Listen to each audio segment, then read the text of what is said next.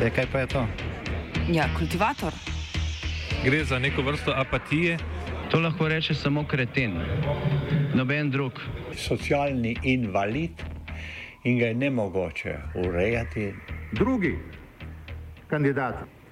Pa, eh, pa pije, kadi, masturbira, vse kako ti lahko reče. Nihče tega ne ve. Vsak petek skultiviramo dogodek tedna. Lahko po kriterijih radio študent, težko pa po evropskih kriterijih.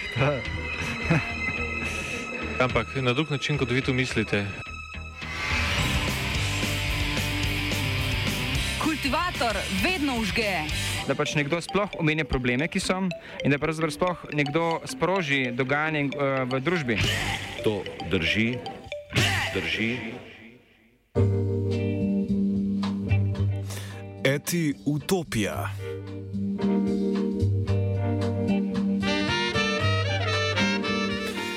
Mineva 339. dan, odkar so narodne obramne sile, etiopska državna vojska, prejele ukaz za posredovanje v Tigraju.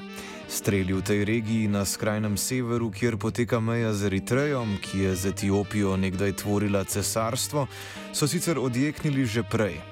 A s tem, ko je odredil napad na njo, je etiopski premijer Abi Ahmed pritisnil na sprožilec državljanske vojne. Skoraj leto dni kasneje tigrajskemu konfliktu od načina razrešitve ali pa morda ravno nerazrešitve, katerega je odvisno Abijevo politično preživetje, ni videti bližnjega konca.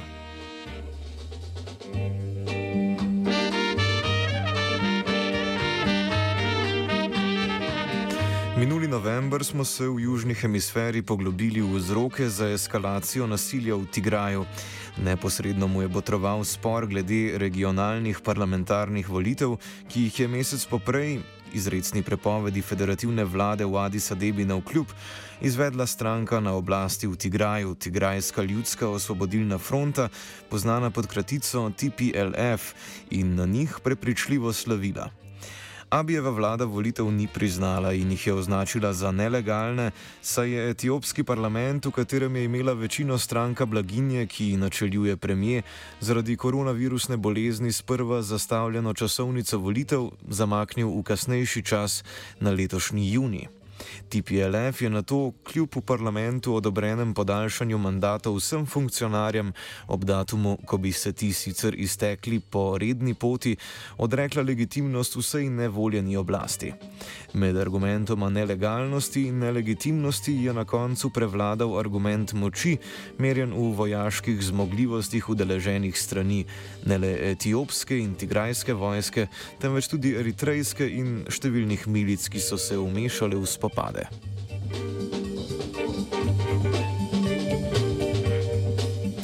V današnjem kultivatorju bomo s Harryjem Verhoevenom, vodjo kitajskega afriškega panela pri Oxfordski univerzi in svetovalcem pri Evropskem inštitutu za mir, poskušali predstaviti, kje se država, ki so jim mnogi napovedali usodo razpada več etničnih držav, nahaja danes in kako se je spremenila od zadnjega radioštudentovskega poročanja o Etiopiji. Well, the change has been dramatic, but perhaps not altogether surprising. And what I mean by that is that the extraordinary levels of violence that we have seen during the offensive launched into Tigray, but also in other parts of the territory, it's important to point out, as we did in previous broadcasts, that the violence is not limited to this one province that's officially at war, but there's fairly horrific violence across large swathes of Oromia.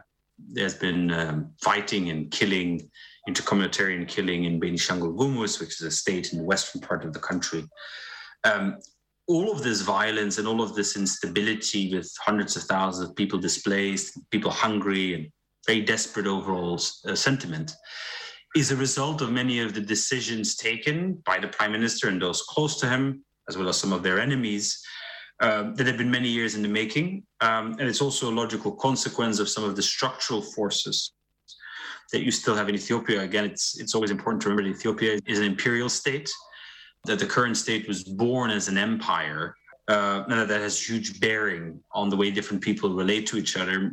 For many of whom, the experience inside Ethiopia has not been very empowering. It's been very exclusionary, sometimes even outright oppressive of their culture, of their livelihoods, their language, sometimes their religion. Um, and so this is a very sensitive context in which you know the, the violence must be understood and also the worries that many people have about the future of this country and whether it can continue being one or it will uh, disintegrate uh, into further smaller pieces and and probably associated with it more violence.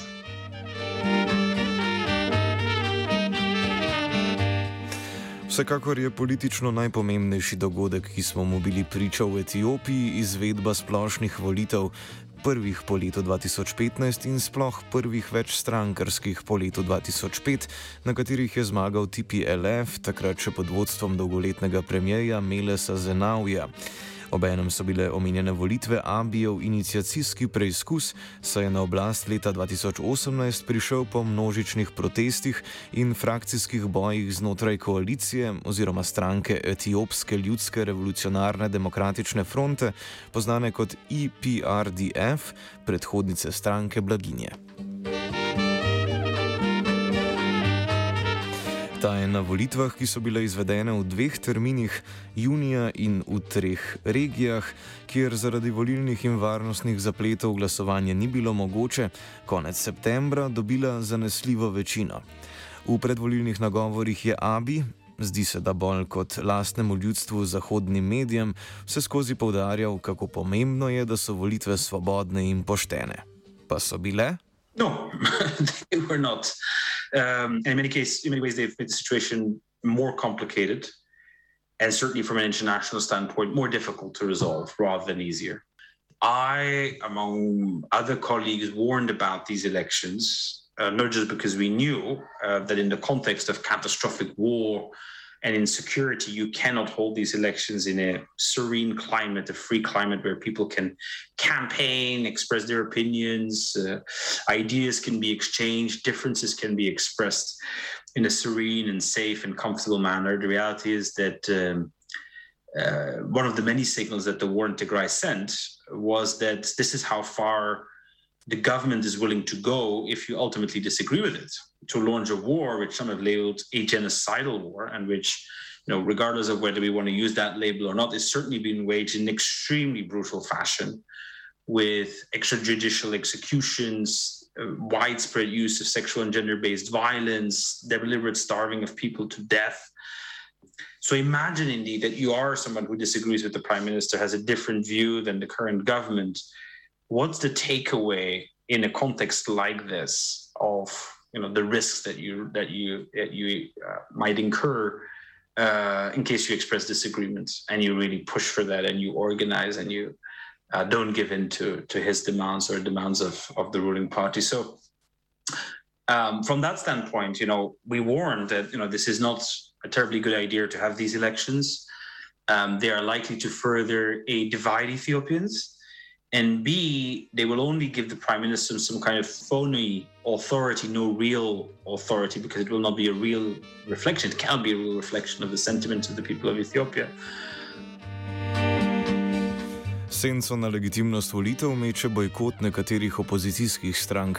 Nasploh je Abijev novi mandat, tudi zaradi nekaterih odločitev, ki jih je sprejel pred zaprisego ta ponedeljek, na bolj trhlih temeljih, kot kaže volilni rezultat, saj ta ne odraža realne podpore, ki pa bo za vodenje močno polarizirane države nujna. The reality is um, that I think almost everybody agrees that this was neither free nor fair, certainly not credible. And especially, I think, even many people who do support the prime minister, and there, there are many, just to be clear, this prime minister still has a base of support that is considerable, significant, and whose views must also be taken into account. But I think even many of the supporters of the prime minister probably felt very betrayed by the fact that only one week after the, the elections, one week after the victory of the prime minister was triumphantly announced, there was also the announcement that the Ethiopian army was withdrawing from Tigray the prime minister having campaigned on the back of this um, supposed success in the war, this victory, and the promise of pacification and of, of renewed harmony, clearly, clearly, a lot of, his, even his own supporters, people who are behind the war, felt utterly betrayed by this and felt taken for fools.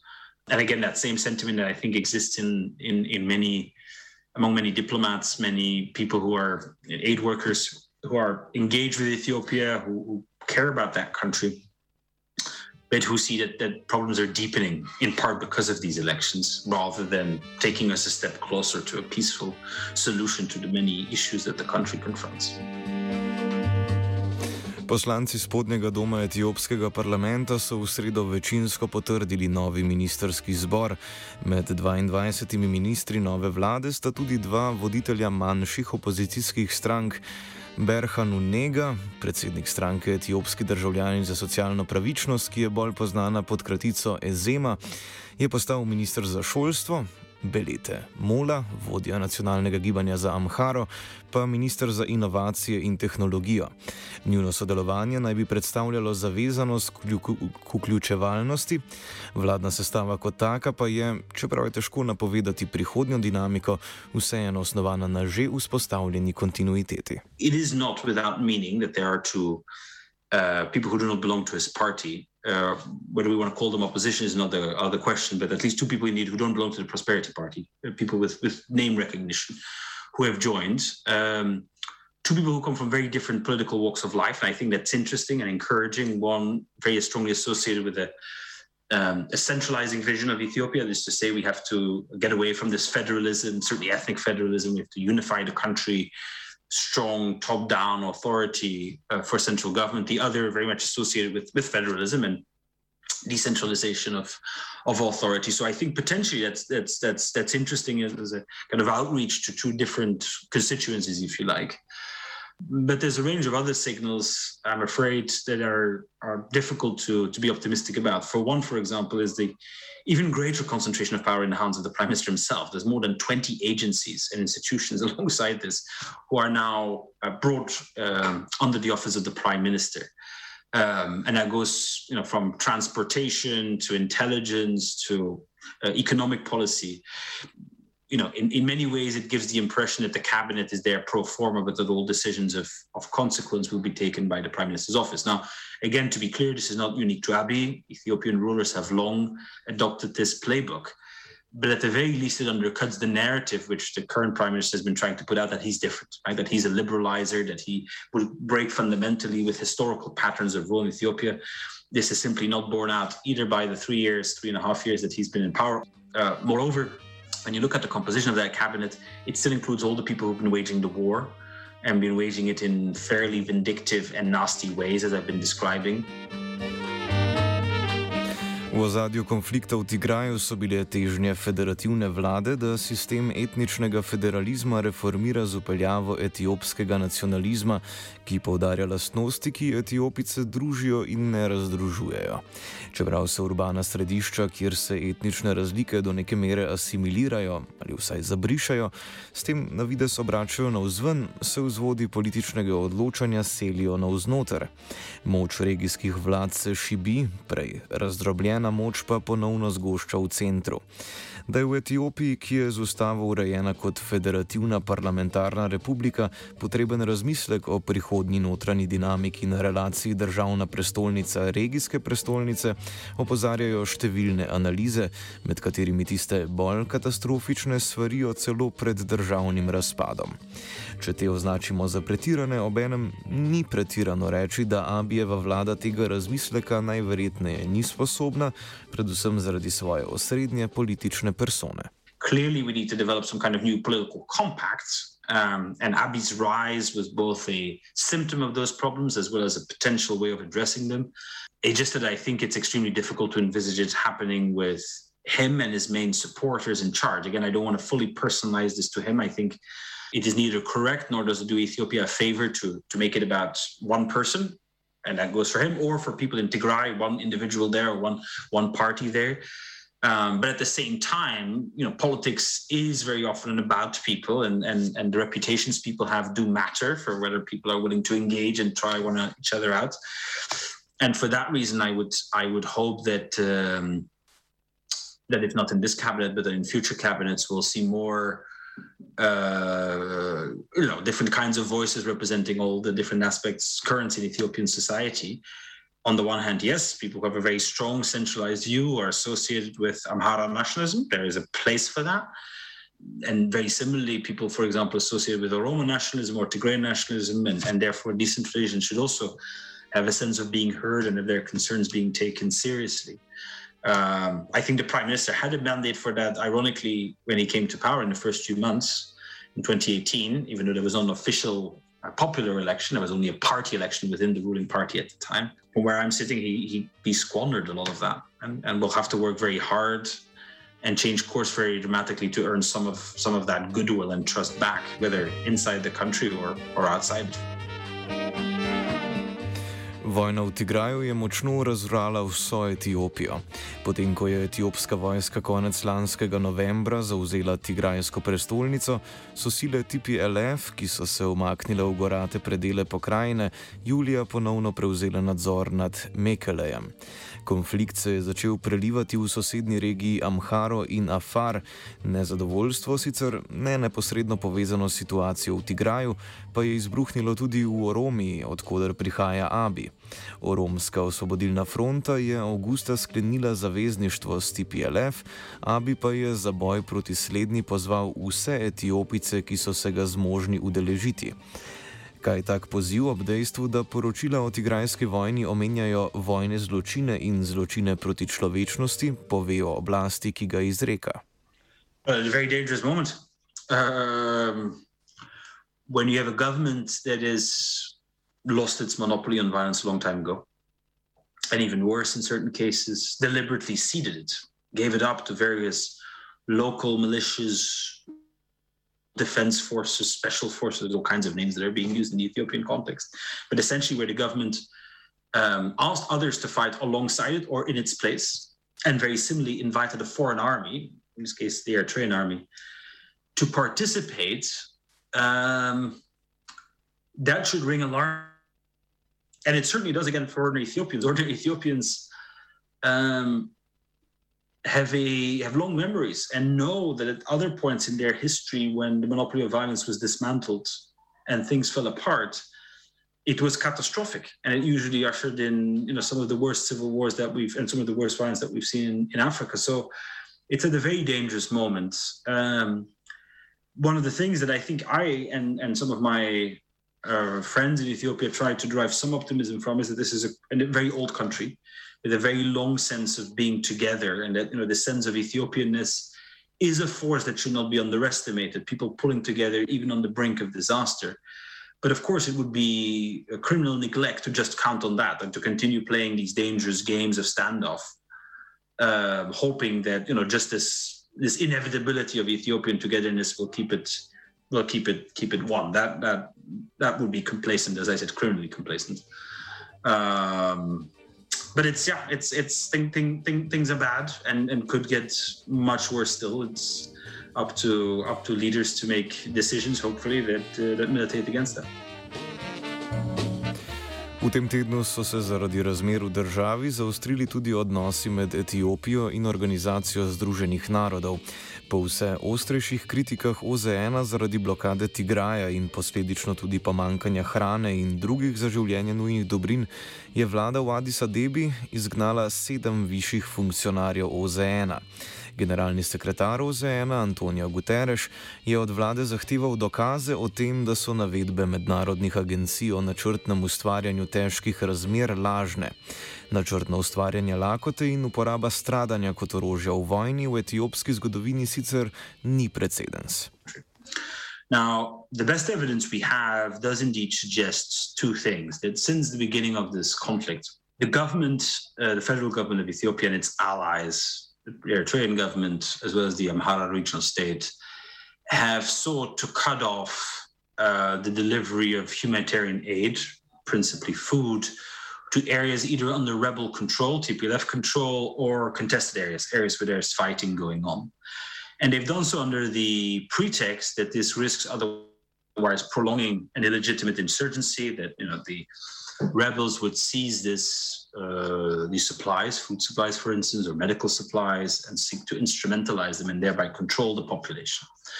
Um, what this fails, of course, to uh, understand A is that most of the population, with or without this food situation, medical situation, is in full support of the TPLF. It's not that people are being forced or coerced. Many people are voluntarily joining because of the way this war started and because of the way it's being conducted.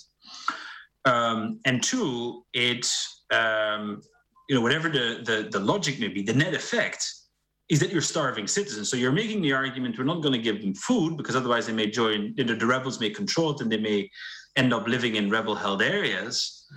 But the alternative is, is what? To let them starve, to not, not have them access whatsoever to, to food? These are your own citizens. What has been striking is that the international community has gradually lost patience with the arguments the Ethiopian government have been making.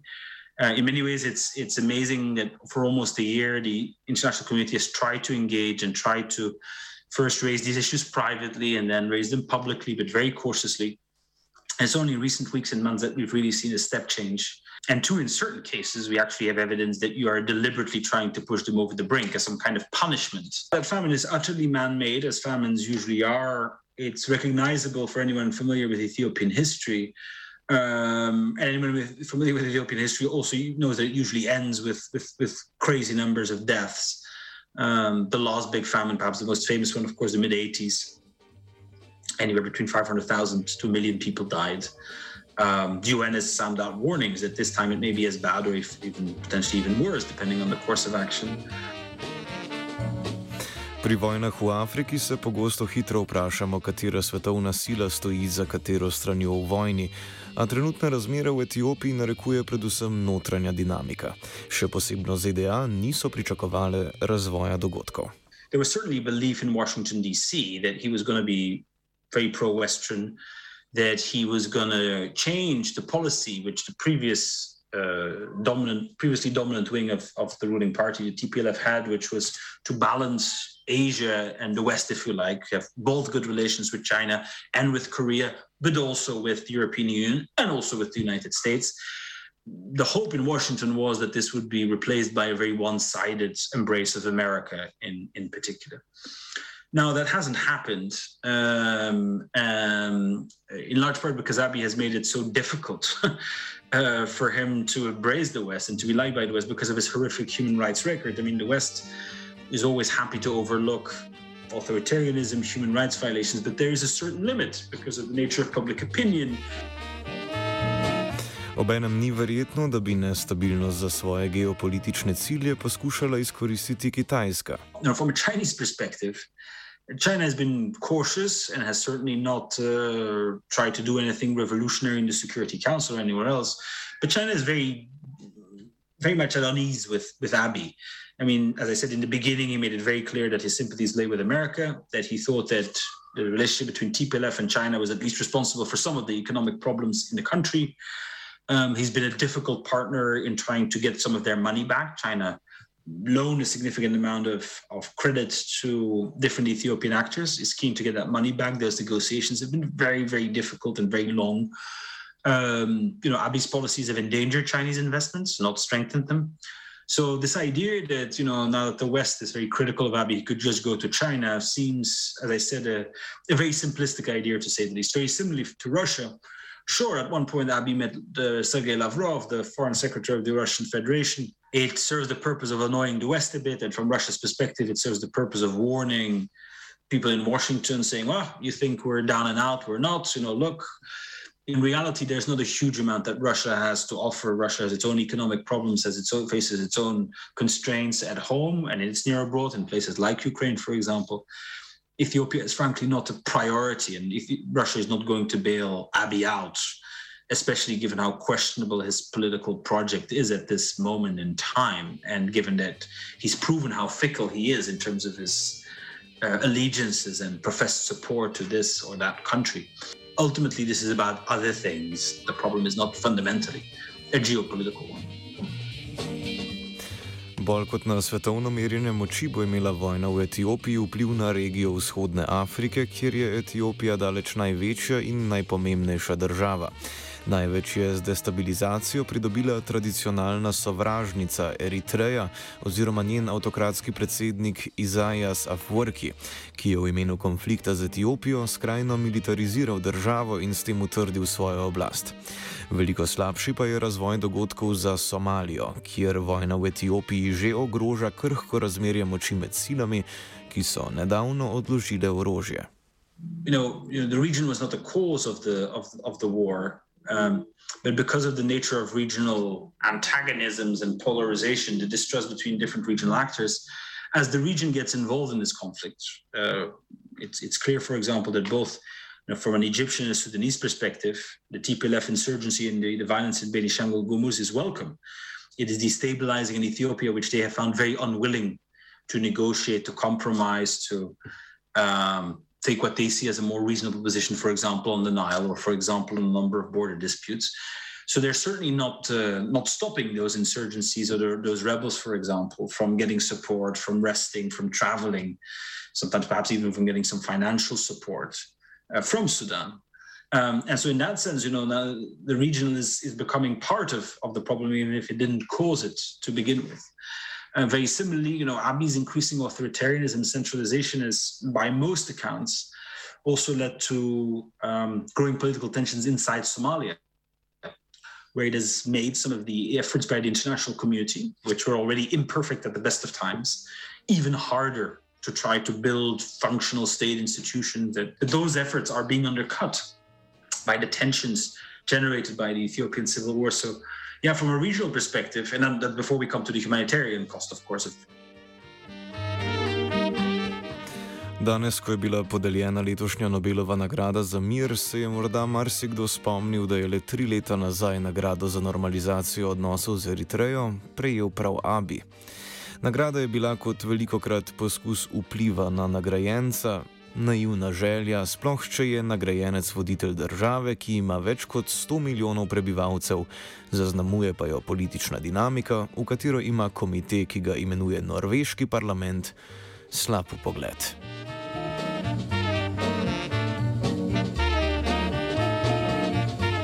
Kultiviral je Fabian.